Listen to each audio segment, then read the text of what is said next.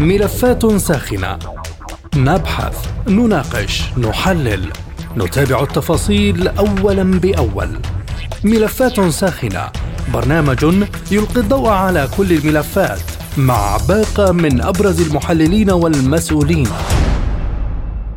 أهلا بكم مستمعينا الكرام في حلقة جديدة من ملفات ساخنة وهذه جيهان لطفي تحييكم. في حلقة اليوم نناقش هل تنجح الولايات المتحدة في العودة إلى الشرق الأوسط وماذا عن إيران؟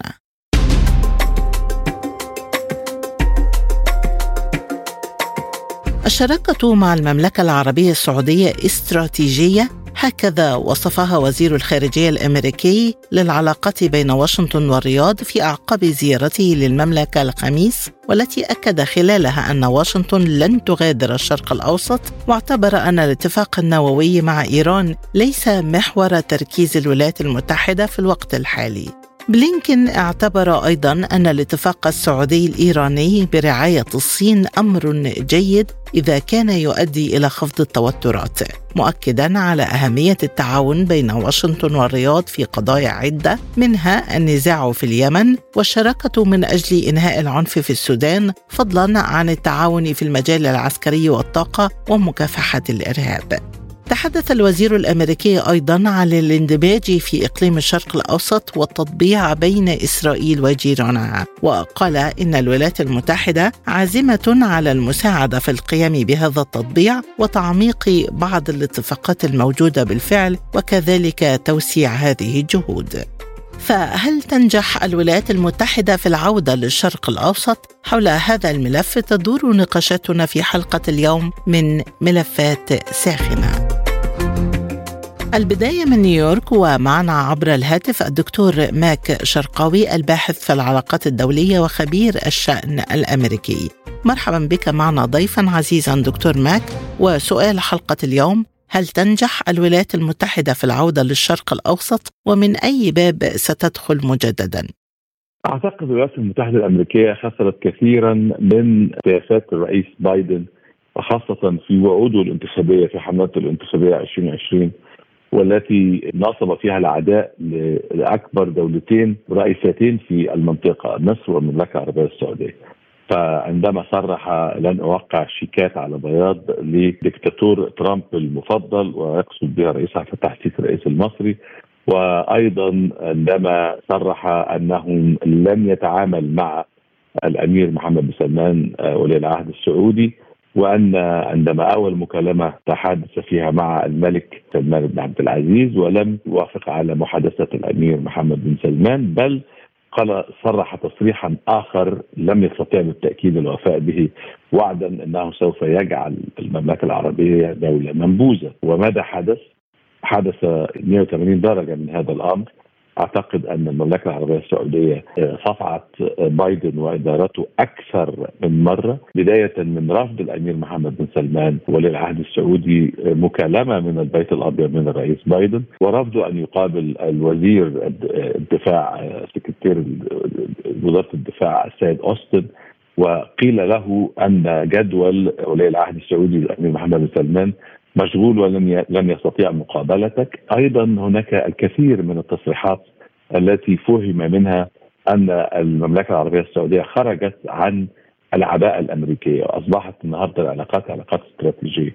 وهناك زيارة مهمة للرئيس الصيني في ديسمبر الماضي و علاقات متباينة مع الروس ومع الهند وأيضا دخول المملكة العربية السعودية في منظمة البريكس. أعتقد أنهم دلوقتي مجتمعين على مستوى وزراء الخارجية وأعتقد أن ملف دخول السعودية أصبح شبه محتوم. وفي أغسطس القادم سوف تلتقي المجموعة على مستوى الرؤساء وبالتأكيد سوف يتم التصويت على دخول المملكة العربية السعودية. أيضا مصر يعني في الطريق إلى الدخول في هذه المنظمة. أعتقد أن رفع تخفيض المملكة العربية السعودية وهي رئيسة الأوبك تقريبا المتحكمة في الأوبك 2 مليون برميل ثم مليون برميل ثم مليون و400 ألف برميل مع رجاءات الولايات المتحدة الأمريكية والبيت الأبيض الا تقوم بهذا التخفيض بل طلبوا منهم زيادة الإنتاج. عندما رفض الإنتاج 2 مليون خرج الرئيس بايدن بتصريحات أيضا عنتريه لم يستطيع أن ينفذها ووعود لم يستطيع ان ينفذها نحن نراجع الآن علاقتنا مع المملكة العربية السعودية وأيضا الوزير الخارجية بلينكن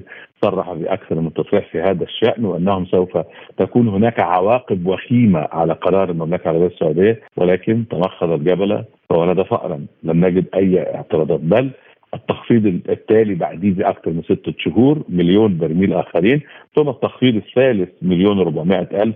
وعندما سئل بايدن عن هذا الأمر قال إن إحنا بنراقب الأسعار ونراقب كيف نستطيع أن نخفض أسعار البنزين للمواطن الأمريكي. فهناك بالتأكيد ضربة قاسمة للعلاقات الأمريكية السعودية، على المستوى المصري هنلاقي إن الرئيس عبد الفتاح السيسي الذي قيل عنه هذا التصريح الغير مقبول سياسيا من يعني رئيس محتمل للولايات المتحدة الأمريكية عندما كان في الحمله الانتخابية ولكن ظهر لنا يعني وللعيان ان الولايات المتحدة الأمريكية تحتاج إلى مصر والاداره المصرية والرئيس عبد الفتاح السيسي في حلحلة الكثير من الملفات وعلى رأسها القضية الفلسطينية. هنلاقي في غزه واحد الرئيس عبد الفتاح السيسي استطاع أن يستوعب الأمر وأن يوقف حربا كانت يمكن أن تشتعل في المنطقة. ومرة أخرى غزة اثنين أيضا ووجه الشكر رئيس بايدن رئيس عبد الفتاح السيسي في أكثر من ثلاث مرات وأيضا قابله مقابلة حميمة جدا في لقائه في جدة لقاء جدة الذي أعتقد أنه الإهانة الأكبر للإدارة الأمريكية عندما في شهر سبعة الماضي في السنة الماضية في جولاي لما راح إلى مؤتمر جدة وكان المفترض إن هو يقنع السعوديين بزيادة الإنتاج ولكن خرج بخفي حنين كل رفعته بالمملكة العربية السعودية في هذا الوقت 400 ألف برميل وهي بالتاكيد لم تكن تساعد على أي شيء من حالة الموقف بالنسبة للطاقة. أيضا تقابل مع الرئيس عبد الفتاح السيسي مقابلة حميمة جدا وأيضا في لقاء في مؤتمر المناخ أيضا كان هناك لقاء على هامش المؤتمر. عندما رأينا أمير مكة يستقبل الرئيس بايدن في آه، المطار وليس ولي العهد السعودي وفي ذات المؤتمر يعني يستقبل ولي العهد السعودي الرئيس المصري عبد الفتاح السيسي بالأحضان والقبلات على سلم الطائرة.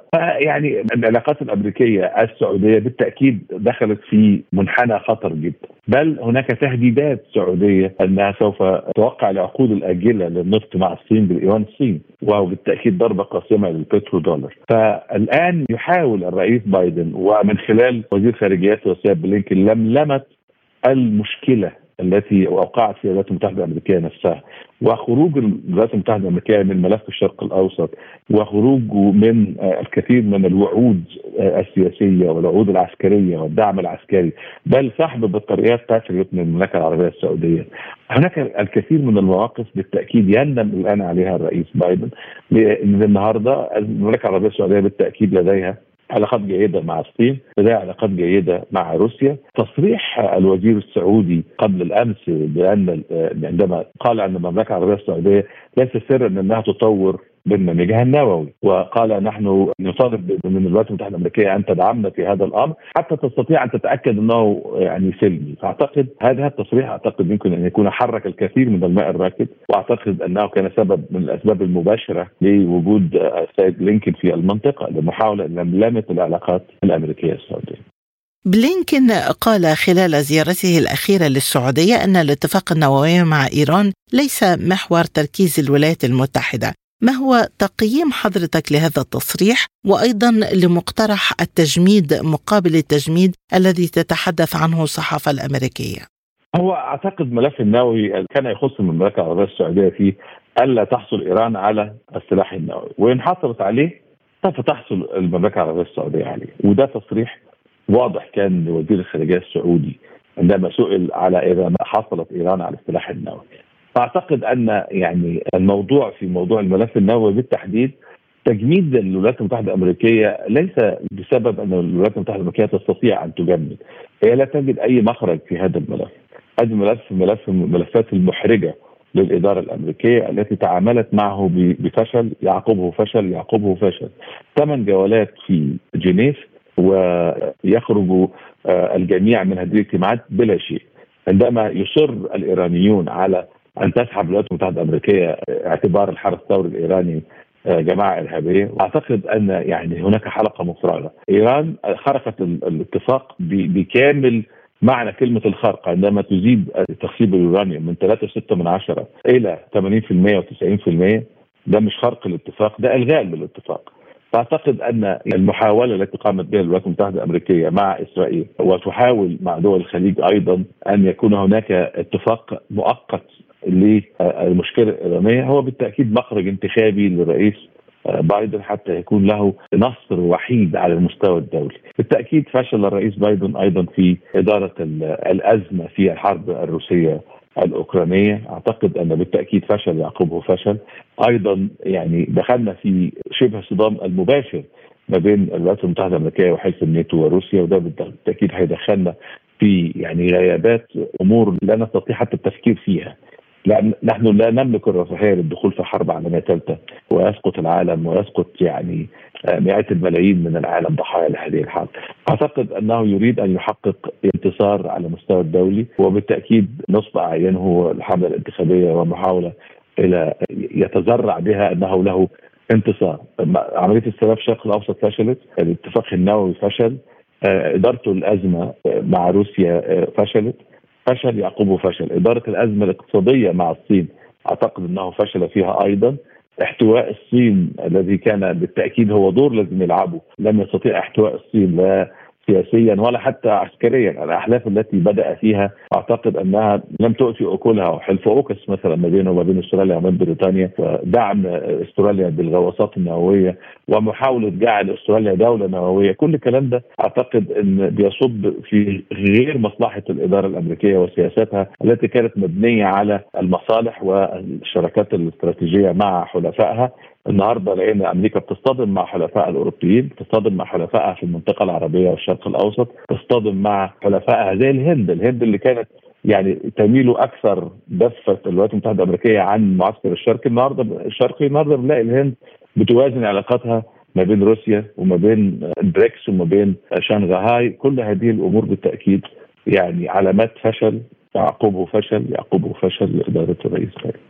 كيف ستتعامل واشنطن إذا مع التحالف العسكري البحري المزمع بين إيران والسعودية في الخليج وهل يمكن أن تلجأ إلى تخريب هذا التحالف؟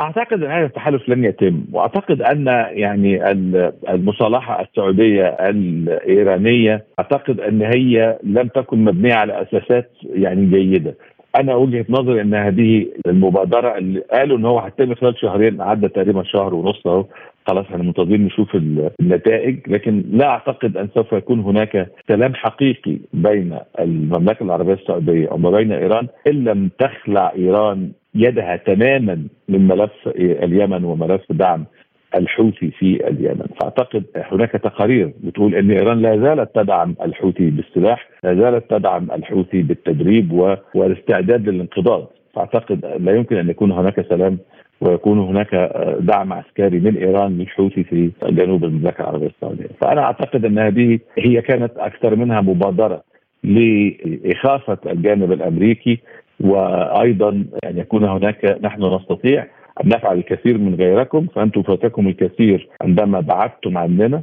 ولكن أنا أعتقد أن المملكة العربية السعودية سوف تعود إلى علاقتها مع الولايات المتحدة الأمريكية وسوف تغلب كافة الولايات المتحدة الأمريكية على كافة المعسكر الشرقي. بالانتقال إلى الحليف الرئيسي لواشنطن في الشرق الأوسط إسرائيل، كيف تأثرت علاقات الإدارة الحالية بأفعال التيار اليميني في إسرائيل؟ وهل يمكن أن تعود العلاقات الأمريكية مع تل أبيب إلى ما كانت عليه خاصة بعد اعتراض إسرائيل التام على الطرح الأمريكي بخصوص إيران؟ أعتقد أن الديمقراطيين لديهم الكثير من المشكلات مع إسرائيل. وشفنا أكبر مثال أوباما والعلاقة المريضة اللي كانت بينه وما بين بنيامين نتنياهو. وشفنا أكثر درجات الإهانة الدبلوماسية أن يتم دعوة رئيس الوزراء الإسرائيلي بنيامين نتنياهو لإلقاء كلمة في الكونغرس الأمريكي بغرفته ولم يذهب إلى البيت الأبيض أو يتقابل مع الرئيس الأمريكي أوباما في هذه الزيارة، فالعلاقات دائما مشتبكة ما بين الديمقراطيين في الحكم وبين الجانب الإسرائيلي. زاد الطين بله أن عندما لم يكن أمامه خيار بنيامين نتنياهو أن يعود مرة أخرى لرئاسه الوزراء إلا أن يتحالف مع هذه الحكومة اليمينية على أقصى درجات اليمين في إسرائيل والذي أعتقد أنه لا يستطيع السيطرة عليهم في الكثير من المواقف. شفنا جاليت في اقتحاماته للمسجد الأقصى شفنا آه يعني الأداء الهزيل الحكومة الإسرائيلية والمحاولات المستميتة للإطاحة بالنظام القضائي حتى يستطيع أن يحمي نفسه من أي ملاحقات جنائية بنيامين نتنياهو. وشفنا يعني في أول مرة 300 من ضباط الجيش الإسرائيلي بينقلبوا على الإدارة وشفنا 700 ألف إسرائيلي في مظاهرات ضد ما تفعله هذه الحكومة. وشفنا كمان قرار من وزارة الخارجية الأمريكية بوضع وزراء إسرائيليين على قائمة المنع من الفيزا للولايات المتحدة الأمريكية ودي أول مرة تحصل أن يكون هناك هذا الصدام. شفنا كمان في إدارة أوباما أول مرة يتم تبني قرار يدين إسرائيل في الأمم المتحدة وهو القرار التاريخي اللي صدر في سنة 2015 في 15 12 تقريبا في 2015 قبل نهاية عهدة الرئيس أوباما عندما اعطى تعليماته سفير الولايات المتحدة الأمريكية في الأمم المتحدة بأن يمتنع عن التصويت في مجلس الأمن على قرار إدانة المستوطنات الذي خرج بأغلبية 14 دولة إدانة إسرائيل وامتنعت الولايات المتحدة الأمريكية. وخرج هذا القرار الذي لم يكن ابدا يرى النور ما لم تكن هذه الصفعة التي وجهها أوباما والذي أعتقد أنه كان يقصد أيضا بها المكايدة السياسية للرئيس ترامب وهو كان يعني في الشهور الأخيرة في ادارته الرئيس أوباما في في الفترة الثانية. فنجد أن العلاقة مشتبكه ونجد أيضا أن العلاقة أيضا الولايات المتحدة الأمريكية تريد إسرائيل أن تعتنق يعني فكر الدولتين وحل الدولتين والنهاردة إسرائيل عايزة الدولة الواحدة وعايزة يعني حصر الفلسطينيين في كانتونات متباعدة عن بعضها وفقا لخطة القرن التي أنا سميتها صفعة القرن بالتأكيد اللي كان الرئيس ترامب يريد أن ينفذها ولكن بالتأكيد فشل فيها وتم افشالها بمعرفة المملكه العربية السعودية ومصر في هذا التوقيت. أعتقد أن الإدارة الإسرائيلية لا تريد أن تقدم أي تنازلات وتريد سياسة آه، الأمر الواقع وأن تغالي في تصرفاتها والإستفزازات للجانب الفلسطيني ويعني القتل اللي هو المسؤولية الجنائية السلبية في أن يتركوا الأسير الفلسطيني آه، يموت من جراء آه، يعني إضرابه عن الطعام. وأيضا استهداف القيادات العسكرية للفصائل وقتلها. استفزازات بالتأكيد بيرد عليها الجانب الفلسطيني بردود عسكرية. بالتأكيد آه، هو يريد يعني بنيامين نتنياهو وحكومته الهروب إلى الامام ويريد أن يصرف نظر المواطن الإسرائيلي عما يحدث في الداخل الإسرائيلي بوجود خطر أكثر داهم قادم من الفصائل الفلسطينية وصواريخ تسقط النهارده مش بالعشرات النهارده بالمئات والآلاف آه، من الجانب الفلسطيني. تطور كبير طبعا من الفصائل وتطور نوعي كمان في نوعية الصواريخ ومداها اللي وصل لعسقلان ووصل إلى 216 كيلو من داخل غزة. فأعتقد أن العلاقات محتدمه جدا وأن لا أنا لا أستطيع أن أرى بنيامين نتنياهو يملك رفاهية يعني الا يفعل ما يفعله الآن هو مضطر على ما يفعله لأن هذه الحكومة معالها السقوط وأنا أعتقد أن سوف تكون هناك انتخابات برلمانية آه، جديدة سادسة لإسرائيل يعني في غضون قبل نهاية العام. أعتقد أن العلاقه سيئة ولا توجد نقاط يعني تماس ما بين الإدارة الأمريكية وحكومة إسرائيل بنيامين نتنياهو. أيضا الملف الإيراني هو بالتأكيد يعني القشه التي قسمت ظهر البعير، إسرائيل يعني لا تريد بالتأكيد أي اتفاق يسمح لإيران أن تحصل آه، ولو بقدر بسيط على السلاح النووي، ونجد أيضا هشاشه آه، الجيش الإسرائيلي من الواقعة الأخيرة الجندي المصري يعني عندما نجد جيش الدفاع الإسرائيلي كما يدعوا آه، وقوته وانضباطه نجد هذه الهرجله بالتأكيد المواطن الإسرائيلي النهارده بيقول طب أنتوا إزاي هتضربوا إيران؟ إذا كان جندي مصري دخل يعني قتل ثلاثة وعور اثنين ولم تستطيعوا حتى أن تعرفوا ما حدث يعني بالتأكيد هناك خلخلة بتحدث النهارده في حكومة بنيامين نتنياهو وأعتقد أن العلاقات لا يمكن أن تكون كسابقها بين الديمقراطيين وبين آه، بنيامين نتنياهو وإن كانت بالتأكيد في أسوأ أحوالها هم بيدعموا إسرائيل بكامل الدعم بالتأكيد. ولكن لن يعني لا أعتقد أن العلاقات سوف تكون جيدة أو سوف تتحسن في الفترة القادمة. من نيويورك كنت معنا الدكتور ماك شرقاوي الباحث في العلاقات الدولية وخبير الشأن الأمريكي. شكرا جزيلا على هذه الإضاءة. وحول رؤية السعودية لعودة واشنطن إلى المنطقة والعلاقات بين الطرفين معنا من الرياض الدكتور فواز كاسب العنزي المحلل السياسي والاستراتيجي. أهلا بك معنا دكتور فواز وما تقييم حضرتك لزيارة بلينكن للمملكة وسؤال حلقة اليوم هل تنجح واشنطن في العودة للشرق الأوسط؟ في البداية تحية طيبة لكم. في الحقيقة تأتي زيارة وزير الخارجية الأمريكي للرياض وذلك لترميم العلاقة التي حدثت بين المملكة العربية السعودية بأسباب تعارضات بين مصالح المملكة العربية السعودية والمصالح الجيوسياسية في منطقة الشرق الأوسط. ولكن نحن نتفائل بأن العلاقات تعود كما كانت وأفضل وأن منظورا تاريخيا هي ليست في الحادثة الأولى التي حدثت بين المملكة العربية السعودية مثل هذا التوتر. منذ بداية تجذير ونمو العلاقة بين المملكة العربية السعودية خلال الثمان العقود الماضية هي في الحقيقة مرت ببعض المحطات التي حدث فيها نوع من التوتر والفجوات وعادت كما بنيت عليها من ثقة متبادلة ومن تحقيق المصالح المشتركة. تاريخيا علاقة المملكة العربية السعودية هي تخدم الطرفين وتخدم أيضا العالم أجمع ولا سيما مناطق الشرق الأوسط. المملكة كانت وما زالت ركيزة استراتيجية للولايات المتحدة الأمريكية لعمل التوازنات في الإقليم. المملكة العربية السعودية دعمت الأمن القومي الأمريكي وذلك من خلال تدفق الطاقة. الجانب الأمريكي أيضا يقوم بعمل من دعم المملكة العربية السعودية بكثير من القطع العسكرية وذلك لتحقيق الدفاع للأمن القومي السعودي وأيضا الخليجي. ما حدث بين المملكة العربية السعودية والولايات المتحدة؟ هناك تعارضات في بعض المصالح وابان أوباما. آه، وجوده في البيت الأبيض كانت له الديمقراطيين كان لهم توجه وهم سياسة لبعض الأنظمة في الخليج العربي وفي العالم العربي ولكن هذا رفضته المملكة العربية السعودية جملة وتفصيلا والمملكة العربية السعودية هي قائدة للعالم الإسلامي قائدة للعالم العربي وهي التي تحمل مسؤولية الأمن القومي في المنطقة وعمل أيضا تدخل في موضوع التوازنات ولا سيما المملكة العربية السعودية هي تلعب دور كبيرا وعندما نتحدث خلال هذه الفترة المملكة العربية السعودية تعيش فترة الدولة الحديثة وذلك من خلال الفكر المتجدد والفكر المنير الذي يقوده الملك سلمان وولي عهد الأمير محمد بن سلمان. في عمل آه، تعزيز وأيضا تمكين مكانه المملكة العربية السعودية الإقليمية ولا سيما خلال الست سنوات الماضية. وأيضا وجود التنمية السياسية التي خرجت من خلال الرؤية 2030 التي لها عدة أهداف محلية وإقليمية وعالمية. وبالتالي من الطبيعي ان تتغير سياسة المملكة العربية السعودية وأن تبحث عن مدار تسبح به هي والدول العربية ودول الخليج بما يحقق مصالحهم ولا سيما والمملكة هي في قلب العالم أجمع آه، وبالتالي المملكه العربية السعودية هي تملك من القوة الاستراتيجية آه، الاقتصادية والسياسية والاجتماعية وبالتالي المملكة لديها الإرادة لديها المصالح نحتاج إلى الإرادة الموجودة والقوة أيضا الموجودة وتحقيق مصالحها سواء على مستوى محلي أو على مستوى إقليمي أو على مستوى عالمي. دكتور الحديث عن مسار جديد في العلاقات بين السعودية وإسرائيل بعد زيارة بلينكين ماذا يعني وهل نتوقع تطبيعا قريبا للعلاقات حسبما تقول الصحافة الأمريكية؟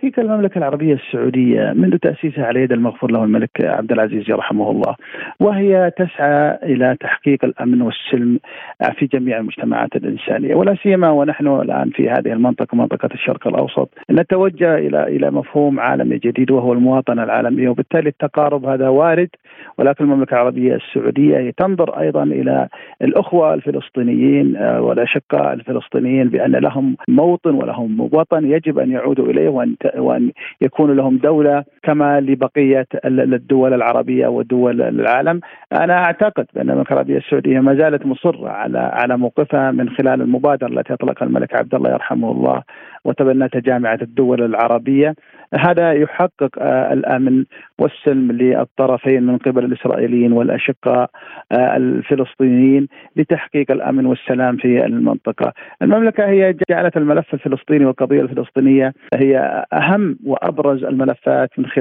تحقيق اهدافها السياسية الخارجية لا سيما المملكه العربية السعودية.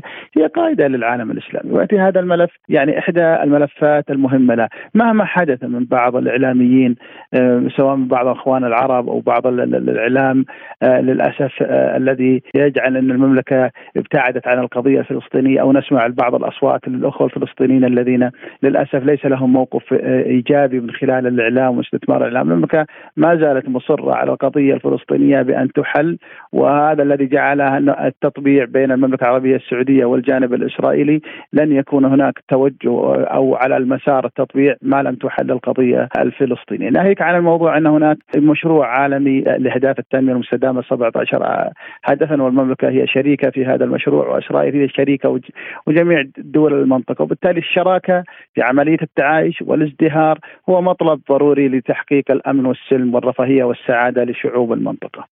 إذا برأيك كيف ستكون طبيعة التعامل الأمريكي مع الحضور الروسي والصيني الذي أصبح واقعا في الشرق الأوسط؟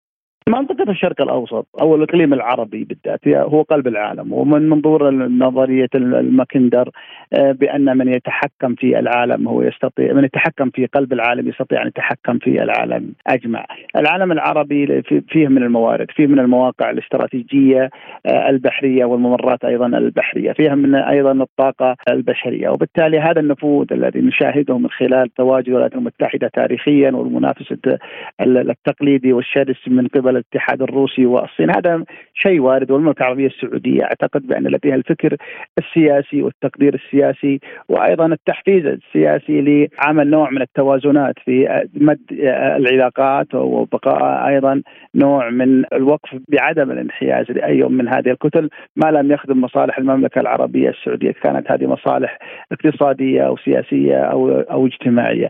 المملكة العربية السعودية هي الآن قائدة للعالم العربي وأعتقد من خلال خلال الاجتماعات ومن خلال المؤتمرات السابقة بأن المملكة رسمت مدار للعالم العربي سوف تسبح به لتحقيق مصالحها بمن يكون لديه الرؤية المشتركة مع العالم العربي. شاهدنا القمة العربية الصينية وسمعنا البيان بأنها سوف يكون هناك تنمية مستدامة على جميع أبعادها الاجتماعية والاقتصادية ولا سيما أن مشروع أو رؤية الصين للحجام والطريق الصيني إحدى المشاريع التي سوف تمر من خلال العالم العربي سواء في الطرق الجوية أو البحرية أو البرية وهذا يجعل مكانه للعالم العربي. وبالتالي الصين هي حريصة كل الحرص بأن العالم العالم العربي يكون بعيدا عن الاضطرابات وعن الأزمات الإرهابية والأزمات أيضا آه، الأمنية بيكون يكون هناك أمن واستقرار لكي يكون هناك فعلا تنمية، لن يكون هناك تنمية ما لم يكن هناك أمن، ولكن سياسة الولايات المتحدة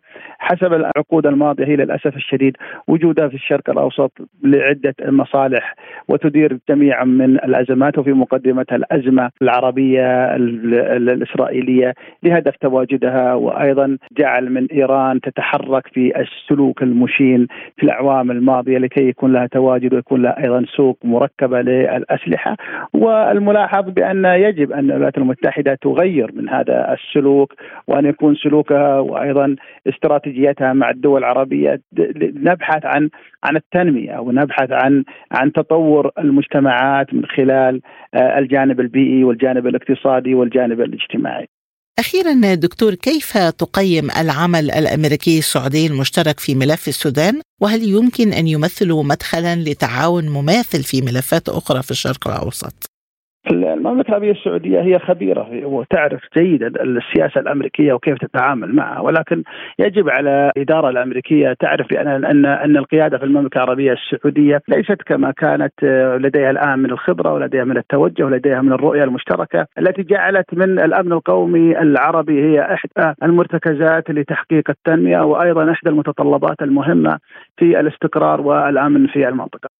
بحديثي إلى الدكتور فواز كاسب العنزي المحلل السياسي والاستراتيجي من الرياض نكون قد وصلنا إلى ختام حلقة اليوم من ملفات ساخنة. وللمزيد زوروا موقعنا على الإنترنت سبوتنيك دوت إي إي. إلى اللقاء. مستمعينا بهذا نصل وإياكم إلى نهاية هذه الحلقة من برنامج ملفات ساخنة. طابت أوقاتكم وإلى اللقاء.